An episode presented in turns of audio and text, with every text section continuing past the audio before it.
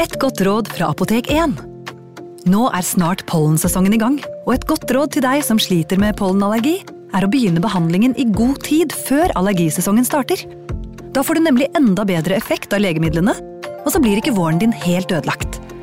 Kom innom og få råd på ditt nærmeste Apotek 1, eller chat med oss på apotek1.no.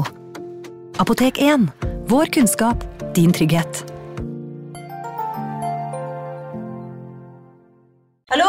Jeg kommer fra Oslo politikammer. Ine Jansen er purk. Er du purk? The motherfucking bitch. Alt jeg vil, er å finne ut hva som skjedde med mannen min. Jon Carew. Er jeg sikta for noe? Iben Akeli. Det er du. Ole So, Lars Berrum og Big Daddy Karsten. Hvem sin side er du på, egentlig? Anette Hoff, Tone Danielsen, Kommer du fra Afrika? Jørnis Josef, Nesten kløfta. Trond Espen Seim, Det er synd å si det, men det var feil mann som døde. Purk. Premiere tirsdag på TV2 Play. Ungsamtalen fra DNB er økonomisk veiledning tilpasset deg som er ung. Bokk en ungsamtale på dnb.no. slash ung. Det er kjempebra hvis du skal inn på boligmarkedet, hvis det er drømmen din, liksom. Det er det du skulle sagt. Og så kunne du ropt litt mer, da, sånn som jeg gjorde. Bam! Advarsel. Historiene vi forteller i denne podkasten kan være fiktive og avvike fra den opprinnelige historien av dramaturgiske årsaker. Meninger og påstander i historiene reflekterer nødvendigvis ikke programledernes meninger eller virkeligheten.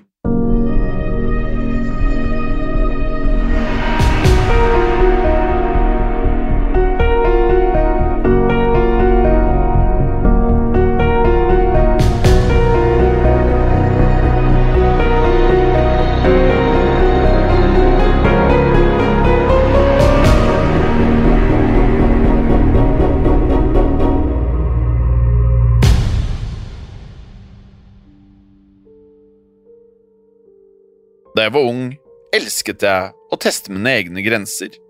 Jeg likte følelsen av at hjertet slo litt fortere. Derfor måtte jeg alltid klatre opp i de aller høyeste trærne eller ake i de bratteste bakkene. Dersom en av vennene mine ga meg en utfordring, klarte jeg aldri å si nei.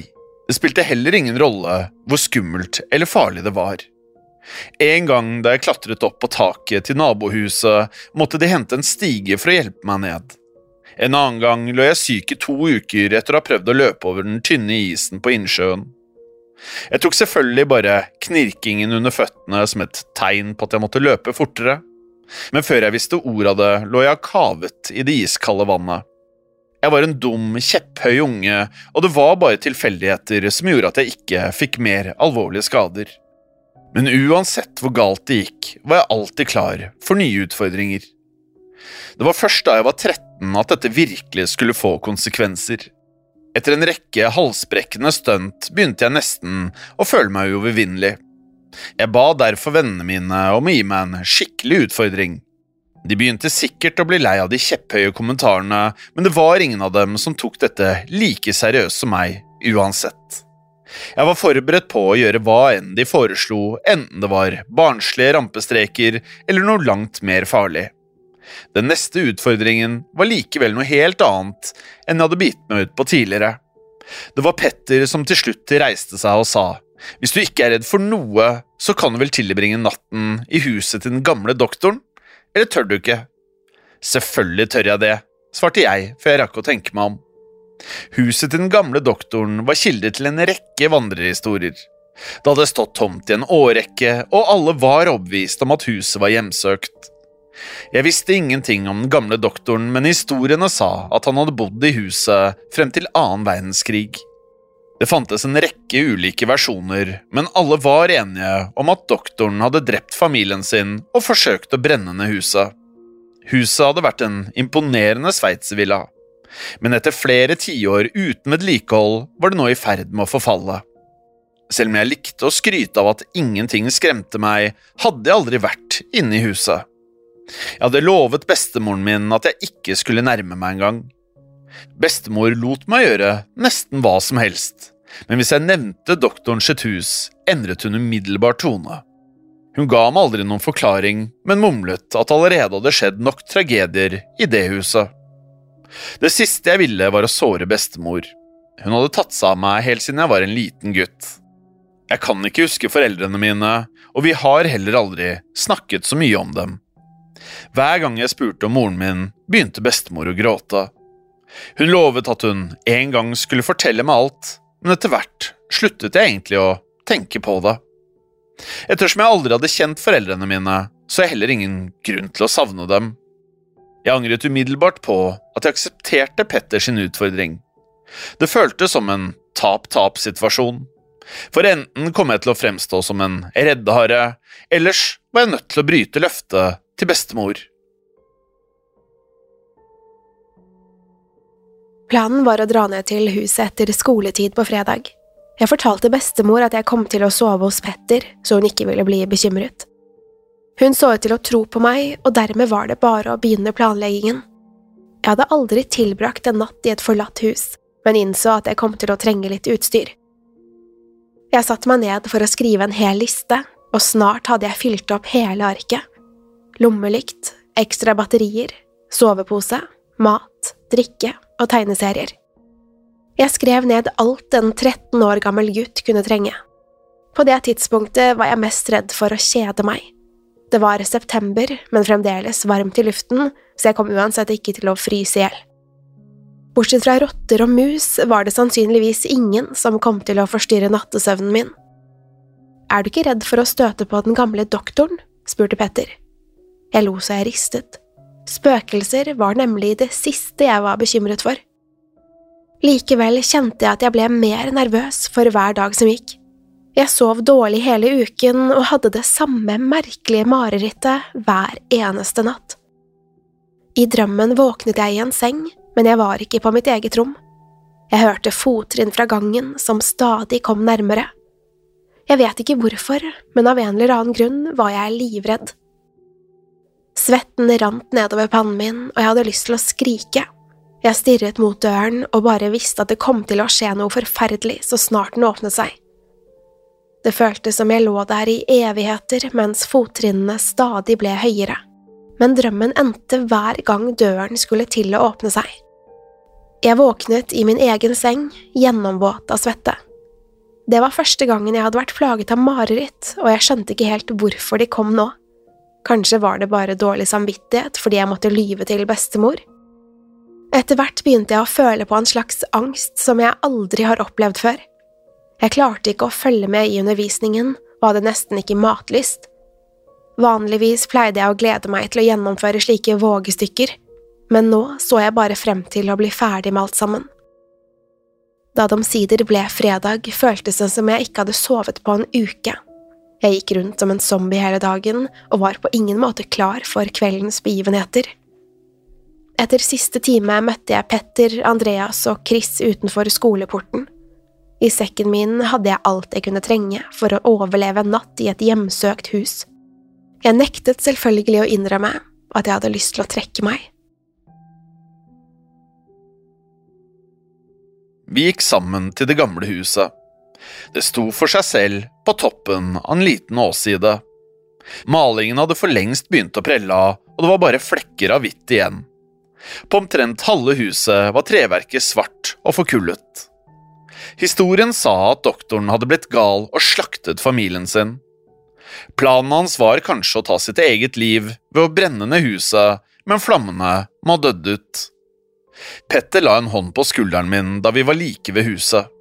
Det føltes som han ga meg en eh, siste sjanse til å innrømme at jeg var redd, men jeg skjøv bare hånden hans vekk. Er du klar? spurte han.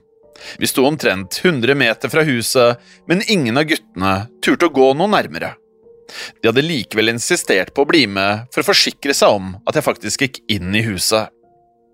Jeg tok et skritt i retning av huset og begynte umiddelbart å føle meg uvel men det var ikke aktuelt å trekke seg. Det føltes som om jeg gikk gjennom dyp snø. Jeg begynte å bli andpusten allerede før jeg hadde kommet halvveis. Hvis jeg så meg tilbake, ville de se frykten i ansiktet mitt, så jeg tvang meg selv til å fortsette mot døren. Jeg skjønte ikke hva som var galt med meg, for det var jo bare et gammelt hus. Og historien om gjenferd og gale doktorer, det var jo bare oppspinn. Samtidig var det vanskelig å forstå at noen ville la huset stå tomt i så mange år. Det knirket under føttene mine da jeg gikk opp den gamle trappen. Det var tre små trappetrinn som ledet til en liten terrasse. Den var fremdeles omringet av vakre utskjæringer, men alt treverket var i ferd med å råtne. Jeg trakk ut armen og la hånden på dørhåndtaket. Idet hånden min rørte ved messingen, følte jeg en merkelig kribling. Det var nesten som å få støt, men energien gikk sakte oppover armen min før den spredte seg gjennom kroppen. Det var ikke spesielt smertefullt, men jeg slapp likevel taket. Jeg stirret et lite øyeblikk på den lukkede døren da den plutselig begynte å åpne seg. Med et svakt knirk gled døren opp uten at jeg hadde rørt den. Jeg svelget tungt og tenkte at det tross alt var et gammelt hus. Dørkarmen var skeiv, hengslene var rustne, og det trakk sikkert fra vinduene. Det var hundrevis av forklaringer på hvorfor døren hadde åpnet seg selv. Det var først da jeg kastet et blikk mot vennene mine. De sto der fremdeles og ventet i spenning på at jeg skulle gå inn.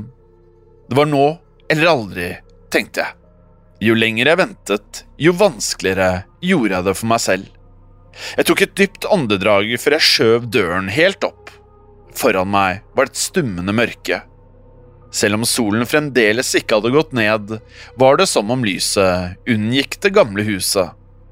Jeg knyttet begge nevene så hardt at knoklene ble hvite. Deretter gikk jeg inn i mørket. Det første jeg gjorde, var å finne frem lommelykten. Jeg lyste rundt meg og begynte å utforske det gamle huset. Jeg hadde forventet at huset var tomt, men ble overrasket da jeg så at de gamle møblene fremdeles var der. Fra gangen kom jeg inn i en stor spisestue med et massivt bord midt i rommet. Alt var dekket av et tykt lag med støv, men det var likevel ingen tvil om at det en gang hadde vært et vakkert rom. Det var fremdeles tallerkener og glass på bordet, og det så nesten ut som om noen hadde blitt avbrutt midt i et måltid. Rommet var fullt av gamle, verdifulle gjenstander. Det var nesten ubegripelig at ingen hadde forsøkt å stjele med seg noe. Kunne huset virkelig ha stått helt urørt i flere tiår? Jeg fortsatte gjennom spisestuen og kom snart til et nytt rom. Langs veggene var det høye bokhyller, fulle av gamle bøker. Jeg gikk nærmere mens jeg rettet lommelykten mot hyllene. Jeg prøvde å lese noen av titlene, men det tykke støvlaget gjorde det umulig å se hva som sto. I et hjørne sto et gammelt piano. Jeg presset ned en tangent, og det ga fra seg en skjærende, ustemt tone. Fingrene mine formet en akkord, men akkurat fra pianoet kom det bare ugjenkjennelig støy. Jeg bestemte meg for å finne et sted jeg kunne tilbringe natten. Selv om jeg ikke hadde sett noe skummelt foreløpig, følte jeg ikke noe behov for å vandre rundt i huset. Jeg ville bare finne meg et sted å sove og bli der til neste morgen. Etter å ha utforsket stuen og kjøkkenet fortsatte jeg opp trappen til andre etasje. Her var det flere soverom som heller ikke hadde blitt rørt på en årrekke. Det var fremdeles dyner, puter og tepper i sengene. Jeg bestemte meg for at jeg like godt kunne sove i en av disse, og valgte soverommet som lå innerst i gangen.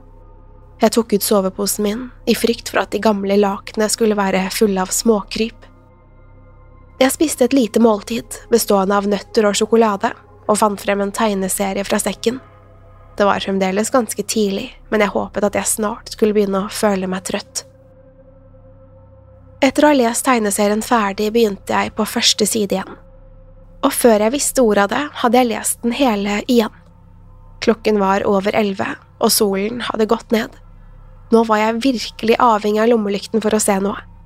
Jeg visste at jeg var alene i huset, men det føltes hele tiden som at noen holdt øye med meg.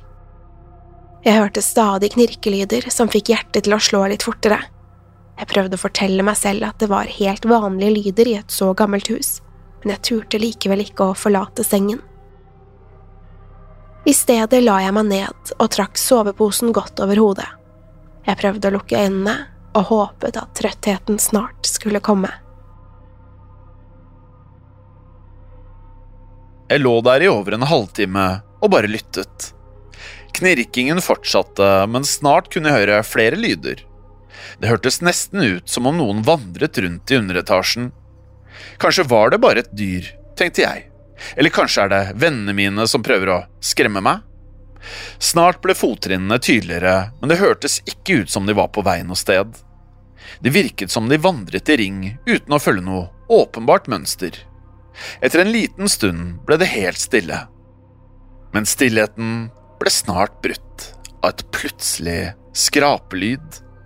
Det var lyden av tre mot tre, som om noen dro en stol over gulvet. Jeg hadde lyst til å rope ut. Det måtte jo være Petter og de andre som prøvde å tulle med meg. Hvis jeg kom løpende ut av huset og skrek om gjenferd og spøkelser, kom de til å mobbe meg for alltid. Men hvis jeg kom dem i forkjøpet, kunne jeg bevise at jeg ikke lot meg skremme av påfunnene deres. Men det satt langt inne å stikke hodet ut av soveposen. Jeg følte meg tryggere her inne og håpte at de snart ville gi seg. I neste øyeblikk hørte jeg noen sure pianotoner fra underetasjen. Jeg ble helt stiv og kjente at det kaldt nedover ryggen min. Jeg tenkte umiddelbart at det måtte være Petter, men jeg innså raskt at det var noe som ikke stemte. Selv om tonene var sure, var det nemlig åpenbart at dette var en dyktig pianospiller. Fingrene gled og danset over tangentene og spilte det som hørtes ut som et krevende stykke. Det bygget seg opp og så ned, før det igjen bygget mot et dramatisk crescendo. Så helt plutselig ble det stille igjen. Jeg trakk pusten, og i neste øyeblikk slo lokket over tangentene. Jeg hørte et kraftig drønn, etterfulgt av en kakofoni av toner. Snart kunne jeg også høre fottrinnene igjen. De vandret gjennom stuen, og det virket som de hadde kurs mot trappen. Jeg holdt pusten mens jeg prøvde å bestemme meg for hva jeg skulle gjøre. Kroppen min tok avgjørelsen for meg. Jeg var nemlig så paralysert av frykt at jeg uansett ikke klarte å bevege meg. Fottrinnene begynte å bevege seg oppover trappen, og plutselig begynte jeg å tenke på den merkelige drømmen. Alt rundt meg virket så kjent. Var jeg i det samme rommet? Har jeg vært der før?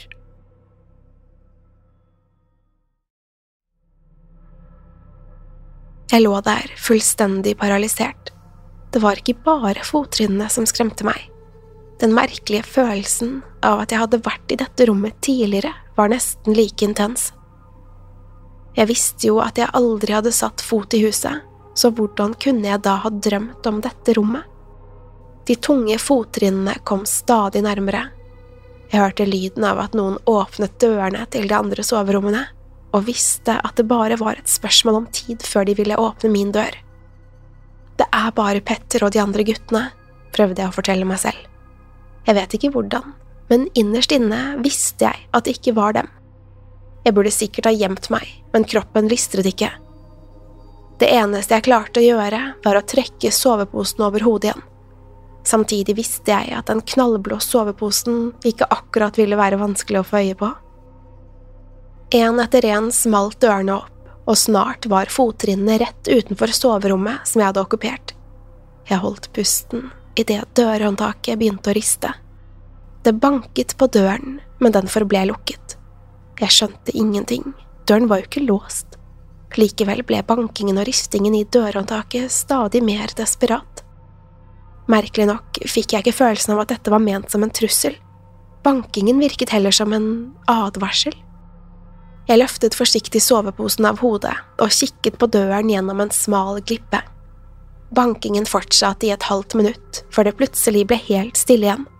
I hvert fall for en liten stund. Plutselig var det noe annet som stjal oppmerksomheten min. Jeg kjente en sterk lukt av røyk, og det ble vanskelig å puste. I tillegg begynte jeg å kjenne meg ekstremt varm. Jeg hoppet ut av soveposen, men det hjalp ikke. Desperat etter luft tok jeg et dypt åndedrag, men begynte bare å hoste. Det føltes som om jeg ble kvalt. Jeg begynte å banke på døren igjen, men nå kunne jeg også høre skrik fra gangen. Jeg følte meg svimmel, men klarte å sjangle bort til døren. Skrikene ble stadig svakere, og det hørtes ut som de forsvant ned gangen. Da skrikene hadde dødd helt ut, grep jeg tak i dørhåndtaket. Det var glovarmt, men med en rask bevegelse klarte jeg å skyve opp døren. Jeg stirret på den tomme gangen i et øyeblikk før jeg begynte å løpe mot trappene. Varm luft slo mot meg, men jeg kunne ikke stanse nå. Jeg løp ned trappen, gjennom stuen mot døren. Det eneste jeg tenkte på, var å komme meg ut. Jeg kastet meg ut av døren, men idet jeg satt fot på den råtne terrassen, kollapset treverket under føttene mine. Jeg snublet ned den lille trappen og landet med hodet først i det fuktige gresset. Det siste jeg husker, var regndråpene som traff nakken min. Da jeg våknet igjen, var jeg tilbake på mitt eget soverom. Det var tidlig formiddag, og jeg hørte at bestemor romsterte på kjøkkenet. Jeg husker ingenting av hvordan jeg kom meg hjem, men jeg har blitt fortalt at jeg klarte å gå selv. Det var Petter, Chris og Andreas som hadde funnet meg. De hadde kommet for å se hvordan det hadde gått da de fikk øye på meg bevisstløs i gresset. Petter hadde løpt og hentet bestemor, og så hadde de hjulpet meg hjem igjen. Jeg ble liggende en stund i sengen før jeg gikk inn til bestemor på kjøkkenet. Hun var glad for at jeg følte meg bedre, men virket også skuffet. Bestemor hadde advart meg hundrevis av ganger om å holde meg unna det gamle huset. Likevel virket hun mer trist enn sint. Jeg satt ved bordet, og hun la en hånd på skulderen min. Jeg var bare en liten jente da de prøvde å brenne ned huset, sa hun plutselig. Hun fortsatte å prate før jeg rakk å si noe. Historien du har hørt om den gamle doktoren, er bare oppspinn. Han ble aldri gal og prøvde aldri å drepe sin egen familie. Doktoren var en god mann som hadde sverget at han ville hjelpe alle i nød. Og da en gruppe tyske soldater troppet opp på døren, gjorde han ikke noe unntak. Han reddet livet til en tysk offiser, men nektet å ta imot noen betaling. Det var hans plikt å hjelpe alle som trengte det, men legen ville ikke ha tyskernes penger. Offiseren tok naturligvis dette som en fornærmelse. Og selv om legen hadde reddet livet hans, så sverget offiseren hevn. Soldatene og offiseren kom tilbake den samme natten og anklaget legen for å være en del av motstandsbevegelsen. De skjøt konen hans og etterlot doktoren mørbanket og blødende på gulvet. Deretter tente de på huset, og de gikk fra rom til rom og skjøt alle de så. De drepte alle, bortsett fra meg. Jeg var en liten baby, men de hadde nok drept meg også hvis ikke flammen hadde spredd seg så raskt. Du skjønner, den gamle doktoren var din oldefar, og med sine siste krefter reddet han livet mitt. Jeg lyttet uten å avbryte. Det var tydelig at det var vanskelig for bestemor å fortelle denne historien. Jeg hadde en rekke spørsmål, men jeg visste ikke hvor jeg skulle begynne. Det hele hadde føltes som en merkelig drøm, men bestemors historie fikk meg til å undre. Du må love meg at du aldri drar tilbake til det gamle huset, fortsatte hun. Moren din følte alltid en dragning mot det huset, og til slutt ble hun besatt. Jeg har alltid fryktet at det samme ville skje med deg. Jeg hadde følt en merkelig tilknytning til det huset. Kanskje dette var forklaringen på hvorfor jeg hadde drømt om soverommet? Vi spiste en stor, sen frokost, og jeg prøvde å legge alt bak meg. Jeg lovet bestemor at jeg aldri skulle besøke huset igjen, og ba om unnskyldning for at jeg hadde brutt løftet mitt. Jeg følte meg helt utmattet hele resten av dagen, og bestemte meg for å legge meg tidlig. Jeg sovnet i samme øyeblikk som hodet traff puten. Det var fremdeles mørkt da jeg våknet. Jeg var glovarm, og svetten rant fra pannen min. Fra gangen hørte jeg lyden av tunge fottrinn som stadig kom nærmere. Var dette drøm eller virkelighet? Jeg holdt pusten og ventet.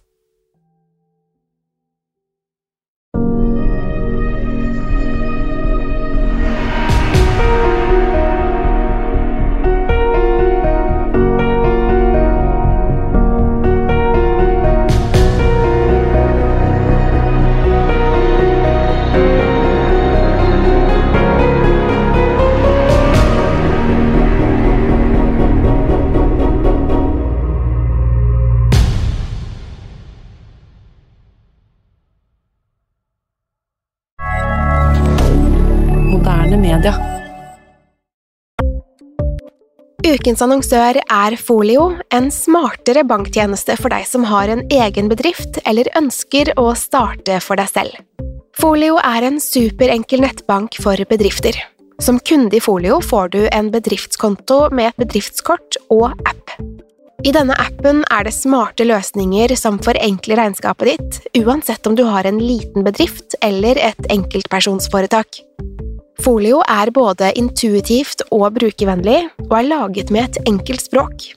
I tillegg tilbyr de forutsigbare priser og ingen skjulte gebyrer. Skulle du likevel trenge det, så kan du snakke med deres raske og hyggelige kundeservice, og der får du prate med en faktisk person og ikke en chatbot. Folio er med andre ord både enklere og koseligere enn banken. Over 10 000 bedrifter har allerede valgt Folio som sin banktjeneste, så besøk folio.no og se hvordan Folio kan forenkle din hverdag også. Har du et enkeltpersonforetak eller en liten bedrift? Da er du sikkert lei av å høre meg snakke om hvor enkelt det er med kvitteringer og bilag i fiken, så vi eh, gir oss her, vi. Fordi vi liker enkelt. Fiken superenkelt regnskap. Kiwi er billigst i VGs matbørs og har vært billigst i fire av de fem siste VGs matbørser. Og nå presser vi prisene på frukt og grønnsaker. På 200 gram broccolini setter vi prisen til 24,90. På 400 gram Cevita blåbær setter vi prisen til 49,90. Og husk, alle Kiwi Pluss-kunder får i tillegg 15% trumfbonus på all fersk frukt og grønt. For det er vi som er prispresserne. Og vi i Kiwi gir oss aldri på pris.